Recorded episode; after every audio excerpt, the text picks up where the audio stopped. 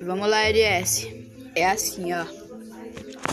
Já chegou o fim é do Free Fire, nunca mais vai existir. Acabou o Free Fire, é o fim, é o fim. Acabou os hack, acabou, foi tudo. O Free Fire foi instinto da nossa eternidade.